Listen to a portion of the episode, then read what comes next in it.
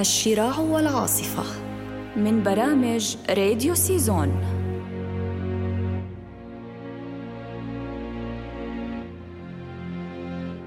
غزاة البحر هربرت جورج ويلز.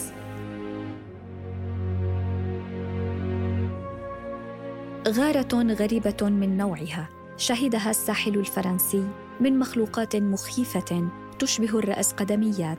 لها لوامس طويلة وعيون كبيرة وتشبه الوجوه المشوهة. دفعها الجوع إلى ترك أعماق البحار لتتغذى على المصطافين والملاحين وتترك بقايا جثثهم على الشواطئ لتثير الرعب في النفوس. فكيف يمكن صد هجمات هذه المخلوقات المقززة التي تقتات على اللحم البشري مع عدم توفر أي معلومات علمية عنها؟ علينا أن نقرأ هذه القصة المثيرة لنعرف المزيد عن تلك المخلوقات العجيبة وما ستؤول إليه الأمور.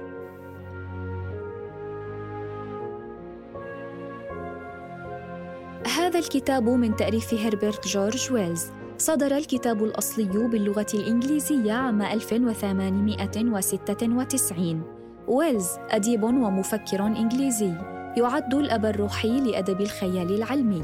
كان ويلز غزير الإنتاج في العديد من صنوف الأدب ومن بينها الرواية والقصة القصيرة والأعمال التاريخية والسياسية والاجتماعية. لكن ذاع صيته ولا نزال نتذكره حتى اليوم من خلال روايات الخيال العلمي التي كتبها وأهمها آلة الزمن.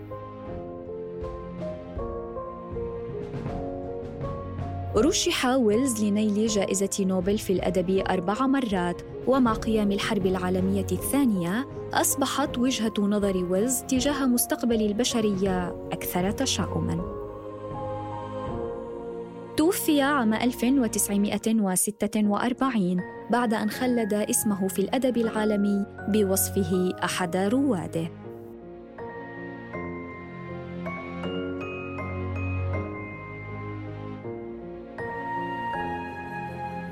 ونقتبس من هذه الرواية. قبل الواقعة العجيبة في سيدموث لم يكن النوع الغريب الذي يطلق عليه Haploteuthis ferox معروفا علميا إلا على نحو عام بالاستناد إلى لامس نصف مهضوم عثر عليه بالقرب من جزر الآزور وجسد متحلل نقرته الطيور وقضمته الأسماك عثر عليه السيد جينينجيس قرب Land's End في أوائل عام 1896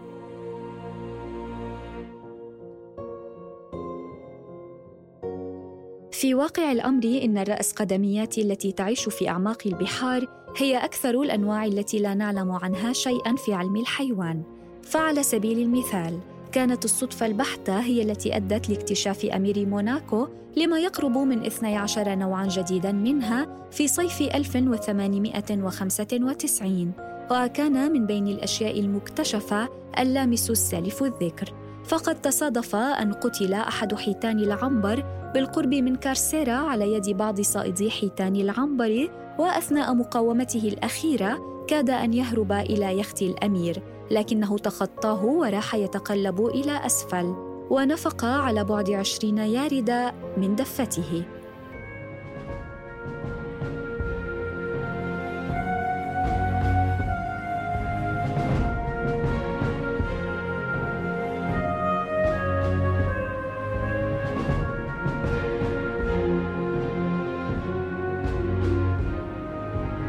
الشراع والعاصفة من برامج راديو سيزون.